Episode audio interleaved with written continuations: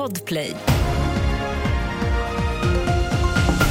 Först i nyheterna om att tre pojkar i övre tonåren har rymt från ett SIS-hem i Lindome söder om Göteborg. Enligt uppgifter till TV4 Nyheterna har alla tre nätverkskopplingar.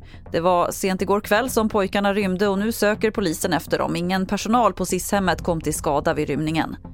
Kustbevakningen utreder brott efter fartygsolyckan söder om Karlshamn igår.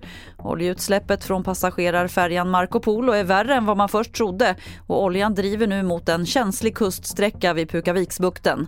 Idag fortsätter det svåra arbetet med att bekämpa utsläppet.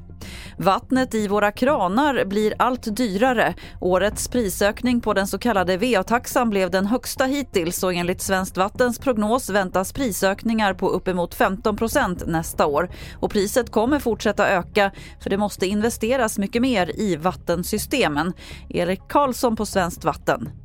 Vi har investerat väldigt mycket, det finns mycket pengar som är upplånade vilket innebär att när räntorna går upp så innebär det att det blir dyrare att driva VA-verksamheten. Jag tror inte riktigt vi kan ta vatten för givet på samma sätt som vi har gjort under de föregående decennierna. Och fler nyheter det hittar du på tv4.se. Jag heter Lotta Wall.